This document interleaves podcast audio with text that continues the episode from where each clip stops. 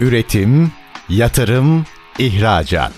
Üreten Türkiye'nin radyosu Endüstri Radyo sizin bulunduğunuz her yerde. Endüstri Radyo'yu arabada, bilgisayarda ve cep telefonunuzdan her yerde dinleyebilirsiniz. Endüstri Radyo.com Çetin Ünsal'ın hazırlayıp sunduğu Reel Piyasalar programı başlıyor.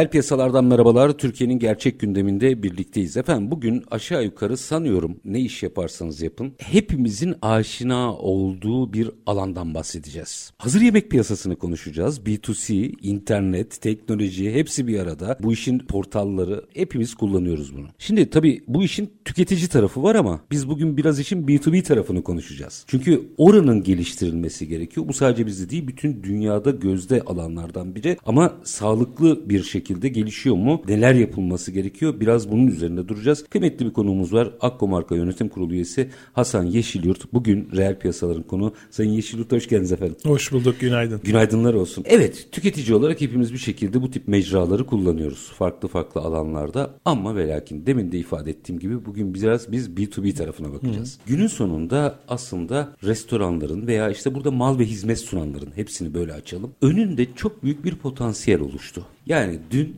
düne kadar müşteri bekleyenlerin dükkanını hazırlayarak bugün müşteriye gittiği bir ekonomik dönüşüm yaşanıyor. Hı hı. Şimdi ne yaşanıyor da? Biraz buradan bir başlayalım. İşin geliştirmesine geçeceğim ama önce ne yaşandığını siz bize özetleyin. Bir de buradaki pazar ne kadar büyüyor ona da değinirseniz sevinirim. Önce biraz isterseniz gastronomi sektörünün büyüklüğünden başlayalım. Harikasın. Dünya çapında baktığınızda gastronomi sektörü yaklaşık 400 milyar dolar seviyesinde bir hacim barındırıyor. Ülkemizde bu yılı zannediyorum 300 milyar TL dolayında bir seviyede tamamlayacağız. Bu 300 milyar TL seviyenin içerisinde tabii bizi en başta etkileyen şey tüketicilerin alım gücü. Tüketicinin alım gücü Avrupa'ya ya da gelişmiş ülkelere kıyasla Türkiye'de çok daha düşük. Avrupa'da Amerika'da yılda kişi başı dışarıda yeme içmeye harcanan para 1000 dolar 1500 dolar seviyesindeyken Türkiye'de bu oran henüz 200-300 dolar seviyesinde yıllık olarak baktığınızda bu da tabii ki doğrudan sektörün hacmini etkileyen bir durum. Neyse ki çok fazla yabancı misafir almaya başladı ülkemiz. Bu yıl 50 milyon turist ağırladık. Bu 50 milyon turistin harcamalarına baktığınızda %70'ini harcamalarının perakende sektörüne, giyime, aksesuara vesaire harcarken %25 dolayında da yeme içmeye ve turizme harcıyor. Dolayısıyla bu da sektörün aslında dinamik kalmasına neden olanlardan bir etken. Sektör evet artık eski kolaylığında değil tabii. Çok fazla oyuncusu var sektörün. Geçtiğimiz 20-25 yıl içinde gastronomi sektörü çok fazla büyüdü. Bugün baktığınızda yeni kurulan her 100 işletmeden minimum 3 tanesi yeme içme sektöründe hizmet veren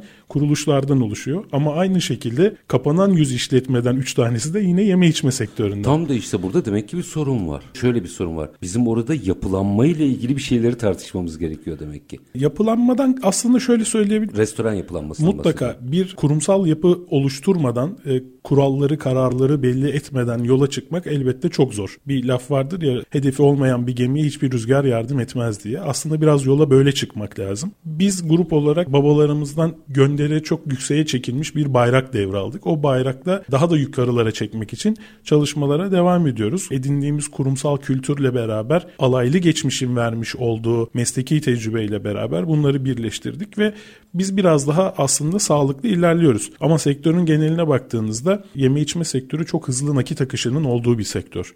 Dolayısıyla dışarıdan çok cazip görünüyor. Baktığınızda hızlı nakit akışı, çok güzel bir sosyalleşme ortamı. Herkes gelirlere bakıyor değil mi? Kesinlikle öyle. Herkes o tarafa bakıyor. Restoranlar dolu, kafeteryalar dolu, herkes mutlu, servis yapan mutlu, işletme sahibi mutlu diye düşünüyor herkes. Dolayısıyla bu işle ilgili aslında hiçbir bağı olmayan ya da tecrübesi olmayan kişiler biraz ekonomik birikimleri de varsa bu sektöre yatırım yapmaya karar veriyorlar ve bu sektöre giriyorlar. Şimdi iş aslında öyle değil. Yani dışarıdan bakıldığında çok hareketli, çok keyifli gözüken bir sektörün iç tarafı gerçekten sıkıntılarla dolu. 2023 yılında pandemiden sonra çıkışla beraber restoranlar çok fazla hareketlendi, müşterilerimiz çok arttı. Her yer çok kalabalık baktığınızda. Bu anlamda çok güzel bir sezon geçirdik, güzel bir yıl geçirdik ama diğer taraftan maliyet dengelemesini bir türlü oturtamadık. Yıl içinde enflasyonist durum nedeniyle sürekli fiyat güncellemeleri yapmak zorunda kaldı işletmeler. İstihdam konusunda ciddi problemler var. Çünkü alttan yetişen yeni kadrolar yok ne yazık ki Usta sektörle ilgili. Hem mutfak evet, kesinlikle öyle. Hem mutfakta hem salon tarafında da aynı şekilde. Geri hizmette çalışan mavi yakalı diye tabir ettiğimiz tarafta da aynı sıkıntılar Orada var. dipnot bir şey sorabilir miyim? Tabii. Turizm meslek liselerinden mezun olan çocuklar bu tarafta geçmiyor mu? Geçiş olmuyor mu? Yani ağırlıklı otellere geçiyorlar otellere tabii ki. Geçiyorlar. Ağırlıklı hmm. otellere geçiyorlar. Onların zorunlu stajları var. Zorunlu stajları olduğu için de bunu Oradan otellerden kullanıyorlar. Kimisi devam ediyor, kimisi devam etmiyor tabii ki. E, ciddi bir iş gücü kaybımız var dolayısıyla sektör geneline baktığınızda. E, tüm bunları düşündüğünüzde evet hareketli, çok güzel, keyifli, sıkıntılarını bilmiyorlar. Bu işe yatırım yapıyorlar. Bir süre sonra kimi sektörlerde, farklı sektörlerde e, nakit akışının daha ağır olduğu sektörlerde faaliyetleri olan yatırımcılar restoranlardaki nakit akışını diğer iş kolunu finanse etmeye ayırdıklarında Zehirlenme bu sefer sıkıntılar başlamış oluyor. Dolayısıyla gastronomi mezarlığı gerçek anlamda çok fazla bu şekilde batmış işletmelerle dolu. Ya biraz ya Hasan Bey iyi para kazanıyor. Ben de bu işe gireyimden kurtarmamız gerekiyor galiba. Bundan Kesinlikle. bir türlü kurtaramadık işi. Evet yani her işin tabii ki ayrı zorluğu var ama bu işin keyifli olan tarafı çok olduğu gibi zorlukları da çok fazla. O yüzden biz mesela grup olarak çok fazla franchise yatırımcı alan bir grubuz. Markalarımızın birçoğunda çok fazla franchise talebi de alıyoruz. Franchise yatırımcılarımız da var. Biz burada e, sadece markamızı temsilen vermiyoruz. Bir ortaklık yapıyoruz. Dolayısıyla franchise yatırımcısının bu işle ilgili tecrübesine, bu işe olan ilgisine, işi nasıl idare edeceğine emin olmadan biz bir franchise anlaşması yapmıyoruz. İşin başında durduğunuz müddetçe, kontrol edebildiğiniz müddetçe başarılısınız. Elbette zincir restoranlara yatırım yapmak çok daha kolay. Elbette. En azından hazır bir sistem alıyorsunuz. Kontrollü bir e, mekanizma var arkada ama mutlaka o işletmenin bütün ağaçlarını tek tek bilmek zorundasınız ki o ormanı yönetebilirsiniz. Üstad yani biraz da egzajere ederek e, soracağım. Bu aslında bir tür mühendislik. Yani bir restoran bir mühendis inceliğinde yönetilmesi gereken bir yapı. Bakın daha restoranları konuşuyoruz. Çünkü restoranların şimdi yeni ekonomi üzerinden hizmet alması, hizmet Hı-hı. vermesine ayrıca geleceğim ama ilk önce bir kere ham maddeyi bir konuşalım. Evet. Tam bir operasyon galiba değil mi? Bir restoranın ortalama 50 dolayında tedarikçisi var. Dolayısıyla 50 farklı tedarik zincirini yönetmek zorundasınız. Her birinin ürün skalasını, her birinin maliyetlerini kontrol etmek zorundasınız. Restoranların ortalama büyüklüklerine göre 50 civarında çalışanları var. Hem mutfakta hem salonda varsa paket servis operasyonunda ya da diğer operasyonlarda. Şiflerle beraber. Dolayısıyla 100 oldu bu. Hı. 100 ayrı tarafı yönetmek zorundasınız. E bir de bu restoranın misafirleri var günlük ortalama 200-300 belki 500 kapasitesine göre misafir ağırlayan restoranlar var. Yani baktığınızda aslında çok büyük sayıda farklı bireyi ya da farklı kurumu idare etmek zorundasınız. O anlamda gerçekten bir mühendislik baktığınızda. Nerede hata yapıyoruz? İki dakikada bunun yanıtını alayım. Oraya gideceğim. Sonra işin diğer tarafına Nerede gideceğim. hata yapıyoruz? Valla hata aslında çok yerde var bakarsanız. Bir defa gastronomik olarak bu kadar çıtası yüksek bir ülkede yaşıyoruz. Çok verimli topraklara sahibiz. Ben hep söylerim yediğiniz meyvenin çekirdeğini yere düşürseniz bir süre sonra orada o meyvenin ağacı Doğru çıkardı. Böyle bir coğrafyada yaşıyoruz. Yani coğrafya kaderse müthiş, müthiş bir kaderimiz var. var. evet ama bundan e, faydalanamıyoruz ne yazık ki. Türkiye son 6 yıldır dünyanın en hızla yükselen ve yükselmeye devam eden gıda enflasyonunu yaşayan ülke. Üretimimiz çok azaldı. İstihdam tarafında ciddi sıkıntılarımız var. Her sektörün var elbette. Kalifiye personel yetiştirme konusunda çok zorluk yaşıyoruz. Yetiştirilmiş kalifiye personelimizin bütün sektörler için yine söylüyorum bunu. Gözü biraz daha yurt dışında çünkü herkes bir şekilde hayatını idame etmek peşinde. Avrupa'ya gitmeye, Körfez bölgelerine gitmeye ya da Amerika'ya gitmeye çalışıyor herkes. Maliyet dengelerini bir türlü oturtamıyoruz. Bir de tabii ruh halimizin de çok iyi olmadığını düşünüyorum. Evet, yani bu kadar e, sorunla yaşayan bir ülkede de e, beklentilerimiz, umutlarımız, hayallerimiz var. Bunların ne kadar gerçekleşeceği bir soru işareti. Bu tabii çalışanlar için de öyle, misafirler için de öyle. Dolayısıyla çok başlıkta aslında sorunumuz var.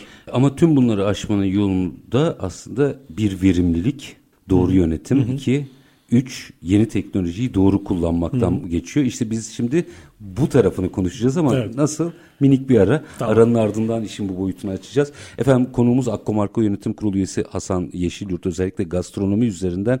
Şimdi e, bir restoranların bir fotoğrafını çektik. Gastronomini çektik, restoranları çektik. Şimdi biraz işi yeni teknolojiye, oradaki yaptığımız potansiyeli değerlendirip değerlendirememe ya da yolunu yordamına bakacağız. Ne zaman? Kısa bir ara. Aranın ardından reel piyasalar devam edecek. Lütfen bizden ayrılmayın. Üretim, yatırım, ihracat. Üreten Türkiye'nin radyosu Endüstri Radyo sizin bulunduğunuz her yerde. Endüstri Radyo'yu arabada, bilgisayarda ve cep telefonunuzdan her yerde dinleyebilirsiniz. Endüstri Radyo.com Kısa bir aranın ardından reel piyasalarda tekrar sizlerle birlikteyiz efendim. E, gastronomi e, ve onun ötesinde restoranları şöyle bir mercek altına aldık. Şimdi tabii konuğum çok önemli bir şey söyledi Sayın Yeşilyurt. Dedi ki bu bir operasyon ve bu operasyonun aynı zamanda sadece gelir tarafına o kadar konsantreyiz ki gider tarafını biraz göz ardı ediyoruz. İşler de orada sarpa sarıyor zaten. Şimdi aslında yeni ekonomik açılımlar bunun da bir anlamda yanıtını buluyor. Doğru kurgularsanız biz doğru kurgulamayı konuşacağız şimdi. Yani oradaki verimlilikten hizmet kalitesine onun ötesinde belki interneti yani B2C taraftaki interneti kullanmaya kadar geniş bir yelpaze var orada. Son dönemde konuğum Akko Marka Yönetim Kurulu üyesi Hasan Yeşilyurt. Sohbetinize o kadar daldım ki anons etmeyi unuttum. Şimdi Sayın Yeşilyurt burada belki işin o boyutunu e, konuşmak lazım. Evet sorunlar var, maliyet sorunları var, işçilik sorunları var ama günün sonunda bu restoranlar dönmek zorunda. Hı hı. O zaman deneyim ekonomisinden belki hizmet kalitesine internetle şimdi çok fazla yaygınlaşan alternatif pazar arayışlarına kadar birçok şeyi yapmak zorundalar. Yeni ekonomi bu alana ne getirdi? Biraz bunu açalım. Yeni ekonomi tabii beraberinde trend olan başlıkları getiriyor. 2023 yılında gastronomi sektöründe trend olan bir numaralı başlık sürdürülebilirlik. iki numaralı başlık sağlıklı beslenme, vegan, vejeteryan ürünlerin ağırlıklı olarak misafirlere sunulmaya başlaması. Üçüncü sosyal medya. Dördüncü dijitalleşme. Beşinci olarak da bu işe yatırım yapmak isteyenler için aslında zincir restoran yapılanması diyebiliriz buna. Tabii dijitalleşme artık bir zorunluluk haline geldi. Pandemiyle hayatımıza restoranlarda QR menüler girdi biliyorsunuz. Doğru doğru. Basılı menüler kullanılmamaya başlandı.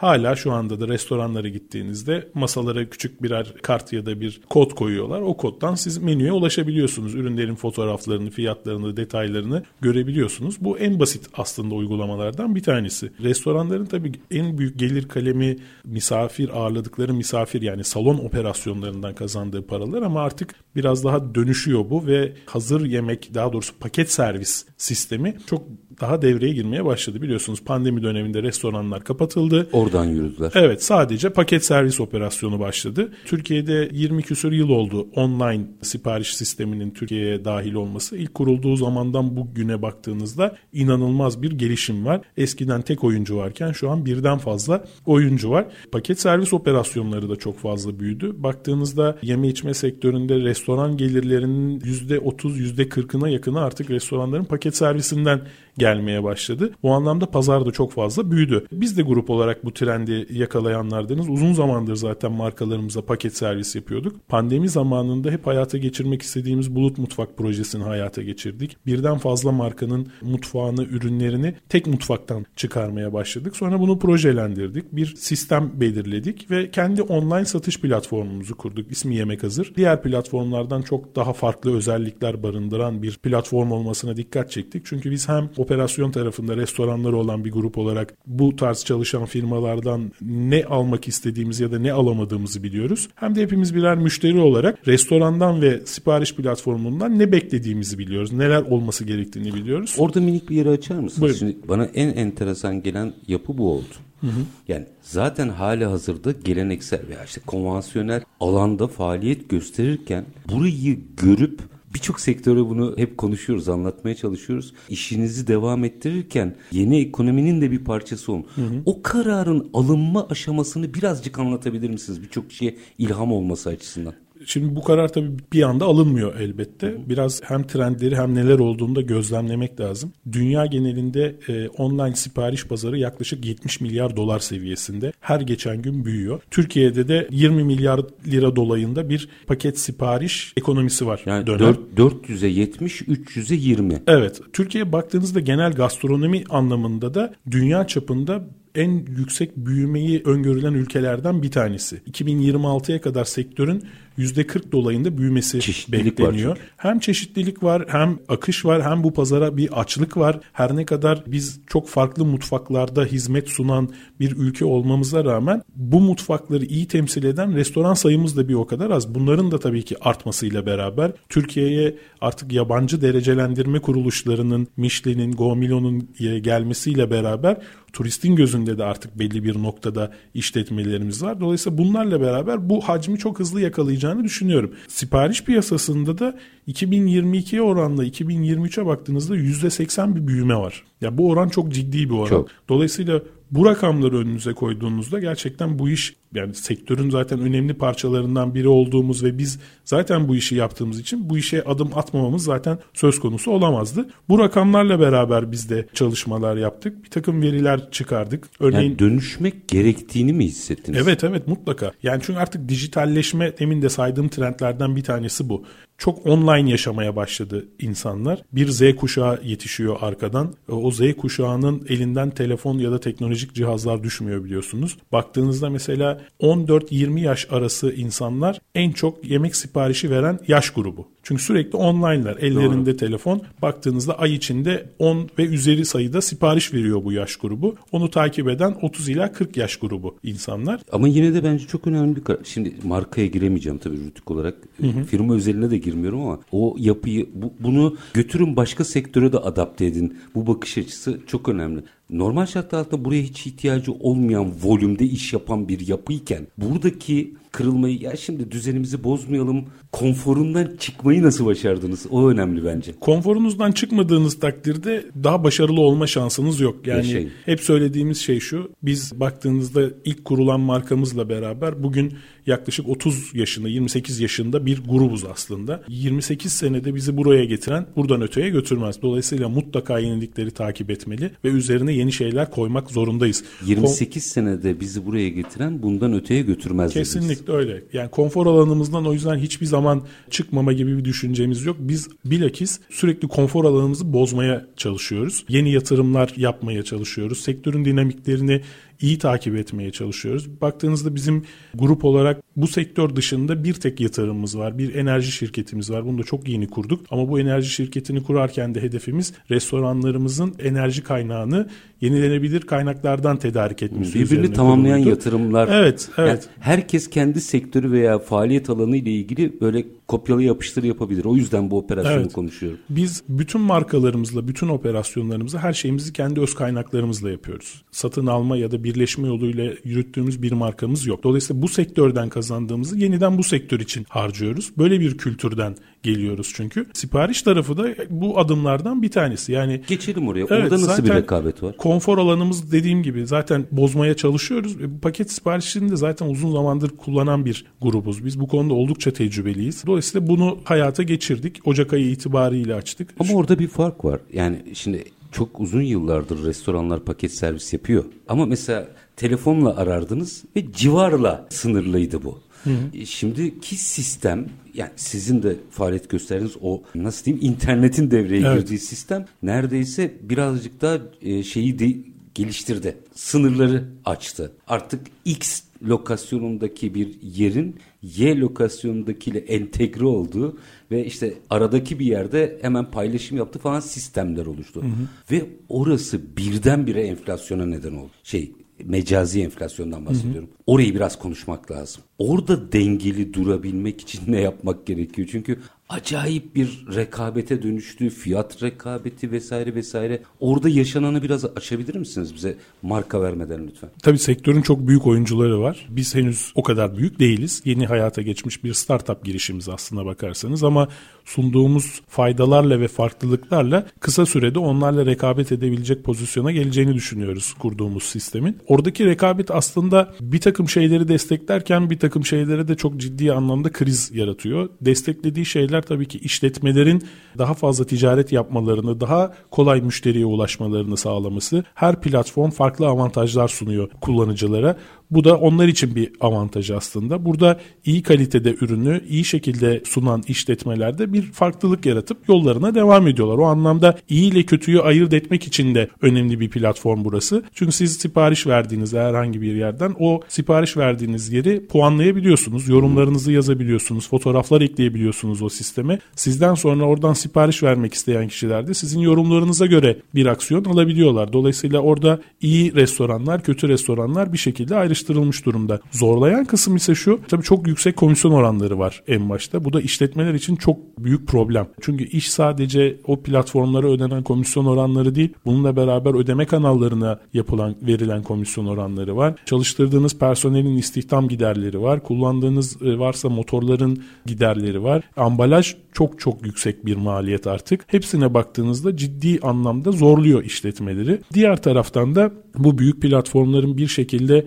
pandemiyle hayatımıza gelen o kurye sistemini çok yoğun kullanmaya başlamasıyla küçük çaplı işletmelerin çalıştıracak kurye bulamama gibi bir problemi de olmaya başladı. Negatif etkilediği taraflardan bir tanesi de bu. Böyle olunca da işletme mecburen o platformların kurye hizmetlerini de almak zorunda kalıyor Hı-hı. ki kurye hizmetlerini de eklediğinizde komisyon oranı birden 3'e çıkıyor. Yani 3 katına ulaşıyor neredeyse. Biz de tabii burada farklılık yaratmak istediğimiz için biz de işletme sahibi olduğumuz için en büyük şeyi şöyle yaptık. Bizim komisyon oranlarımız şu anda %3 seviyesinden başlıyor. Misafirlerine, müşterilerine diğer platformlara ödediği yüksek komisyon oranlarını indirim olarak yansıtmak isteyen yani %20 dolayında müşterisine indirim yapmak isteyen restoranlardan da komisyon almıyoruz. Sıfır komisyon. Dolayısıyla diğer platformlarla çalışan işletmeler bütün giderleri topladığınızda %40'a varan maliyetlerle Siz uğraşırken... Buradan açılım yapmak istediniz. Evet biz anladım. öncelikle açılımı buradan yapmak istedik. Biz bir kurye hizmeti sunmuyoruz şu anda. İşletmelerin kendi kuryesini kullanmaya çalışıyoruz. Bir de tabii sistem içerisinde artık çok daha aktif olacak yakın zamanda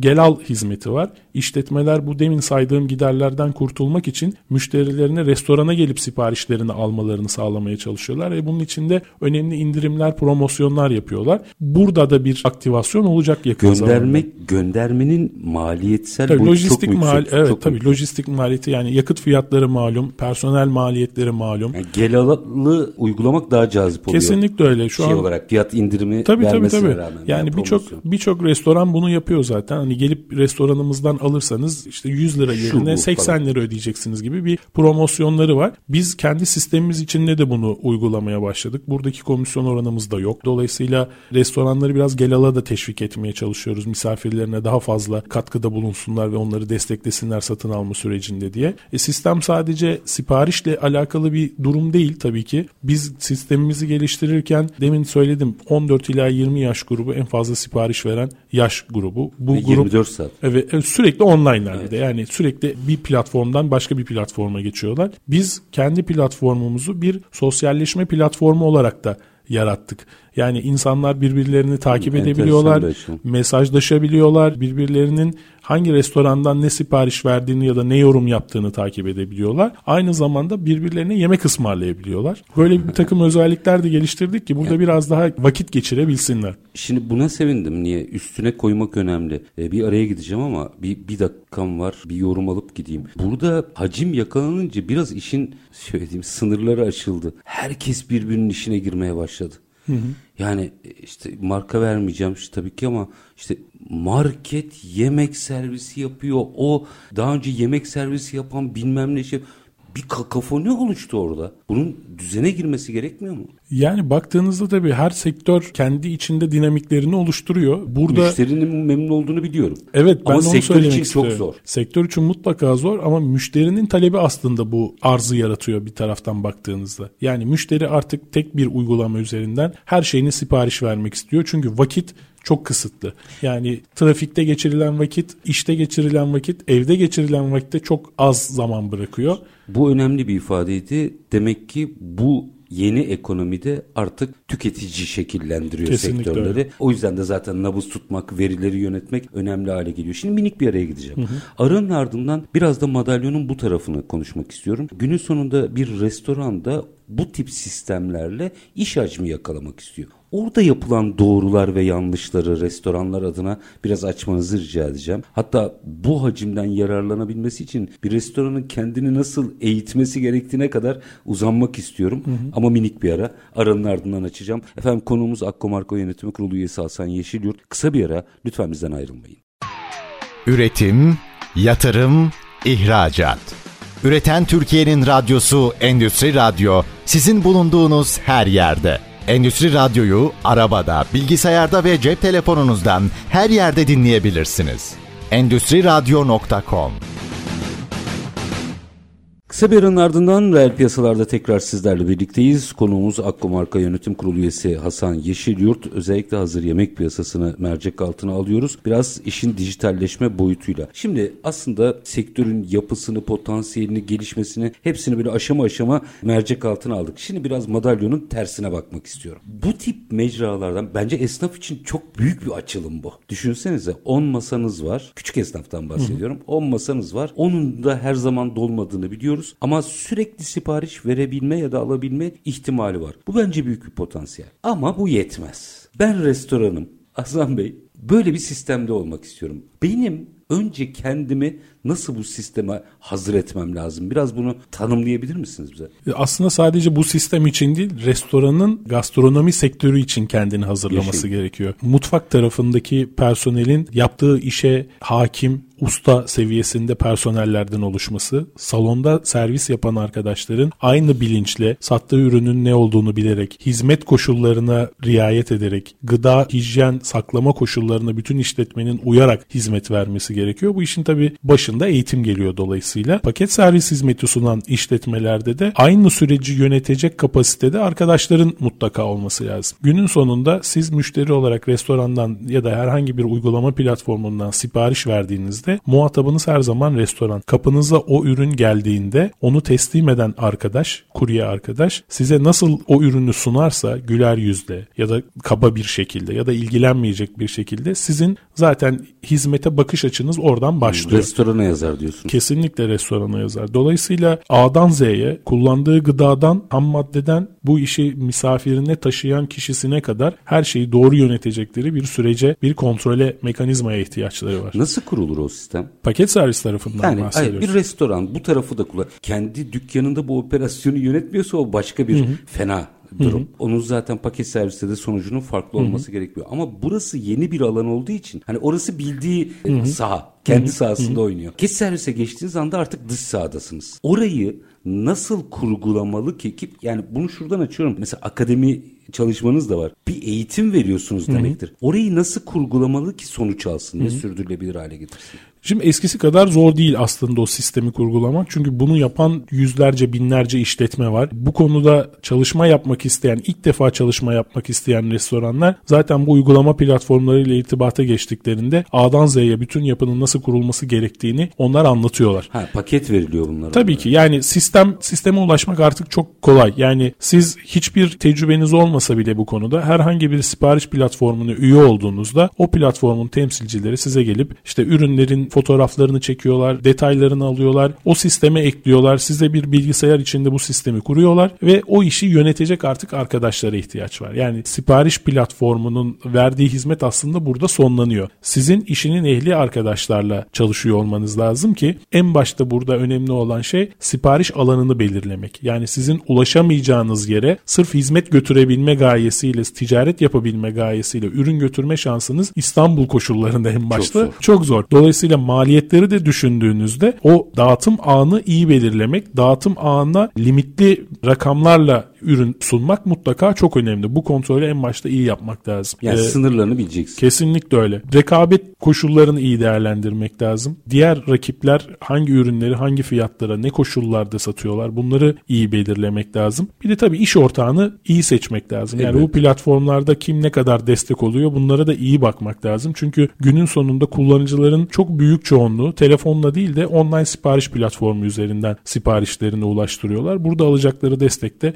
çok önemli. Orada sözlerinizden şunu anlıyorum. Ya ben kasada duruyorum. Yandan da şuna bakayım falan. Hani telefon çalar, hı hı. sipariş alır ya. Onun gibi bir durum değil. Bunun galiba başında birinin olması lazım. Mutlaka tabii ki. Yani orada Sadece bir işi bu olanın birinin olması Evet. Gerekiyor. Mesela bizim bütün restoranlarımızda paket servis sunduğumuz bütün restoranlarımızda her restoranın içinde bir sorumlu arkadaşımız var. Paket hmm. servisten sorumlu arkadaşımız. Bu arkadaşımız hem telefonla olan trafiği hem de sipariş platformlarından gelen trafiği yönetiyor. Çünkü orada aynı anda farklı kanallardan onlarca sipariş geldiğinde o siparişlerin doğru zamanda, doğru sıcaklıkta misafire, müşteriye ulaştırılması en önemli şey. Çünkü koordinasyon da var Kesinlikle tabii öyle. Yani. Siz sipariş verdiğinizde açken sipariş veriyorsunuz ve şekeriniz düştüğü anda elleriniz titremeye başlıyor. Neden gelmedi sipariş? Şimdi tabii ki elbette ürünün bir hazırlık aşaması var. O kurye operasyonunun bir dağıtım süreci var ama siz onu beklemek istemiyorsunuz. Bir an önce siparişim gelsin istiyorsunuz. Dolayısıyla müşteri memnuniyeti için o süreci doğru yönetmek en başta çok önemli. Biz kendi platformumuzda diğer platformlarda olmayan bir şey sunuyoruz müşterimize. Birden fazla markanın ürününü tek sepete atıp tek bir ödemede siparişinizi teslim alabiliyorsunuz. Başka hiçbir platformda yok bu. Bir dakika o nasıl oluyor ki? Birkaç, şöyle yani te, şöyle diyeyim aynı anda gelmesini nasıl sağlıyorsunuz? Şöyle her markanın siparişi aynı anda gelmiyor. Farklı kuryelerle çıkıyor ama aynı kuryede teslim edilen markalarımız da var sistem içerisinde. Enteresan. Burada da işte bu arkadaşın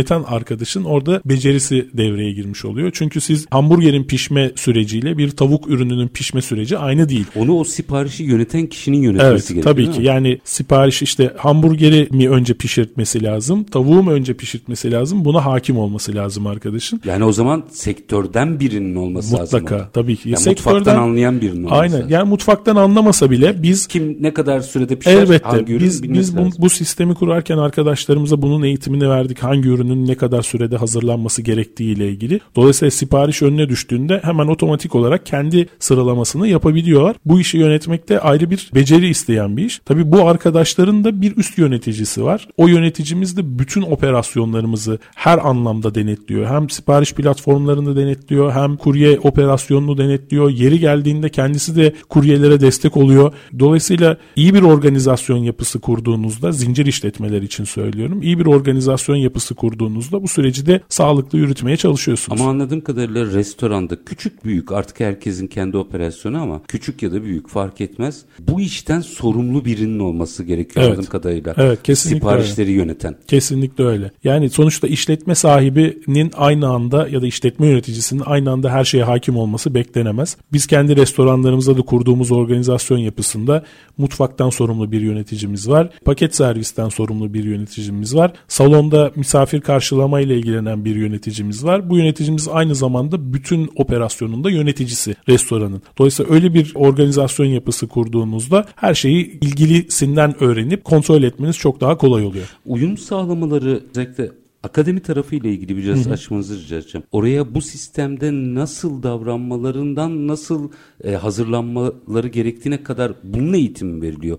Akademide ne öğretiliyor o restorana? Şimdi biz akademi bizim için çok yeni bir proje. Türkiye'de baktığınızda gastronomi eğitimi veren 150 civarında eğitim kurumu var. Devlet tarafından yani üniversitelerden bahsediyorum. Ama çok ilginçtir ki bu kadar gastronomisi güçlü olan bir ülkede 4 yıllık gastronomi okulu ilk defa 2003 yılında açılmış. Aslında çok geç bir tarih hmm, baktığınızda. Doğru. Şu an 150 dolayında eğitim kurumu var. Bunlar tabii farklı farklı alanlarda eğitimler veriyorlar. Ama operasyon yürüten bir grubun ya da bir şirketin bu tarz bir eğitim kurumu olduğunu zannetmiyorum. Biz ilk defa kendi bünyemizde bir akademi kurmak üzere çalışmalara Yaman başladık. Açık. Şimdi iş sadece tabii ki mesleki eğitim değil. Elbette mesleki eğitim önemli adımlardan bir tanesi. Biz kendi mutfaklarını farklı mutfaklarda hizmet sunan markalarımız olduğu için her mutfakla ilgili işinin ehli arkadaş arkadaşlardan özellikle imalat tarafında eğitimler vermesini sağlayacağız bu akademide. Aynı zamanda salon operasyonunu yürüten arkadaşlarımızın da servis eğitimi, müşteri ilişkileri yönetimi, satış teknikleri, sattığı ürünlerle ilgili alkollü alkolsüz içeceklerle ilgili eğitimler yani her şeye hakim olmasını sağlayacak bir eğitim silsilesi planladık şu anda. Çalışma saatleri çok uzun gastronomi sektöründe biliyorsunuz. Yoğun çalışma koşulları var. Dolayısıyla sektörde çalışan arkadaşlarımız özel hayatlarına çok da vakit ayıramıyorlar. Benim babam da garsondu. Ben de aynı şekilde yetiştim. Hani babamı çok görmeden büyüdüm. Hatta babam hiç benim bu sektöre girmemi istemezdi. Dolayısıyla oradaki eksikleri ve personelin sıkıntılarını da bildiğimiz için onları birazcık da belki rahatlatacak ya da dertlerine bir şekilde açıklamalarını sağlayacak bir yöntemle başladık. Şu an bütün restoranlarımız ayda bir kez bir psikolog tarafından ziyaret ediliyor. Tabii bunlar seans şeklinde değil ama psikolog hanım bütün arkadaşlarımızı topluyor. Biraz mesleki eğitimle beraber insanları nasıl dinlemeleri gerektiği, neyi ne zaman konuşması gerektiği ile ilgili de söylemlerde bulunuyor. Onu özel olarak ziyaret eden arkadaşlarımız olduğunu da biliyorum. Böyle de bir destekte bulunmaya başladık. Yani kuracağımız, bu kurmaya başladığımız aslında akademi çatısı altında bir restoranda olması gereken her şeyi arkadaşlarımıza vermek üzere kurguladık. Hmm. Yabancı dil eğitimleri de dahil. Kurye operasyonlarında da dediğim gibi müşteriyle ilişkilerden sipariş alış tekniklerine, ürünlerin hazırlık koşullarına, ambalajlama tekniklerine kadar, ürünün nasıl sıcak götürüleceğine kadar her türlü detayı da burada arkadaşlarımıza anlatacağız. Günün sonunda bir sertifikaları olacak. Sonuçta hayat sadece bizim şirketlerimizden ibaret değil. Bu arkadaşlarımız başka yerlerde de çalışmaya başlayacaklar bizden sonra. Onlar için de önemli bir belge niteliği taşıyacaktır. iyi bir referans olacaktır diye düşünüyoruz. Üstad bir dakikam var ama şunu da alarak veda etmek isterim.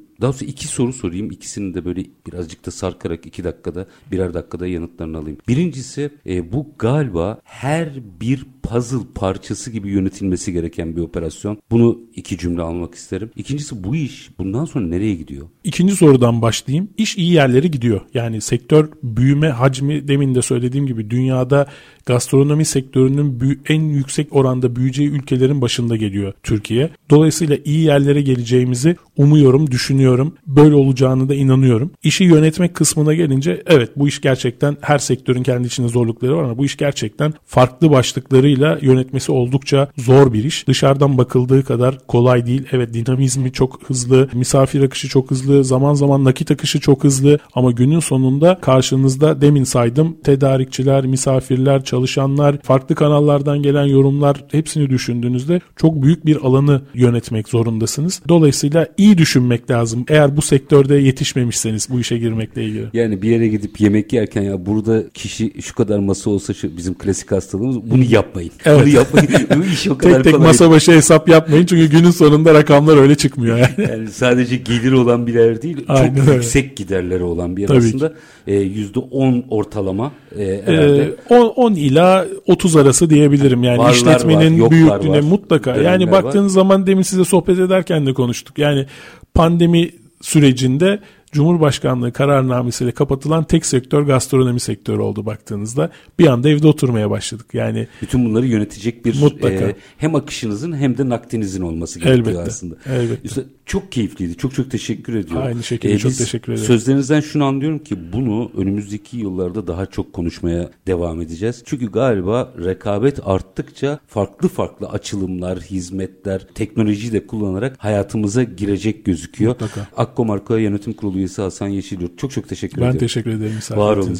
Sağ olun. Efendim bugün biraz hem gastronomiyi hem restoranları hem hızlı yemek sistemini, interneti, dijitalleşmeyi, sürdürülebilirliği hepsini bir kulvarda konuştuk. Bu iş aslında çok daha farklı noktalara doğru gidecek. Bu çok net gözüküyor. Fakat en kritik nokta şu bence. Bugün birçok şeyi konuştuk. Hepiniz not defterinizi aldınız biliyorum. Ama Hasan Yeşilyurt'un bence şu meselesini herkes kendi sektörüne adapte etsin. Zaten hali hazırda geleneksel olarak bu sektörde faaliyet gösteren bir yapı. Bir şey söyledi. 28 yılda geldiğiniz gibi gitmeyecek. Bunu gördük yeni ekonominin bir parçası olmaya karar verdik. Bence herkes yaptığınız iş, sektörünüz ne olursa olsun kendisine bu soruyu sorup bunun yanıtını aramalı. Sektör özelini konuştuk ama buradan da işin felsefesi çıktı. Biz her zamanki gibi bitirelim. Şartlar ne olursa olsun paranızı ticarete, üretime yatırmaktan, işinizi layıkıyla yapmaktan ama en önemlisi vatandaş olup hakkınızı aramaktan vazgeçmeyin. Hoşçakalın efendim.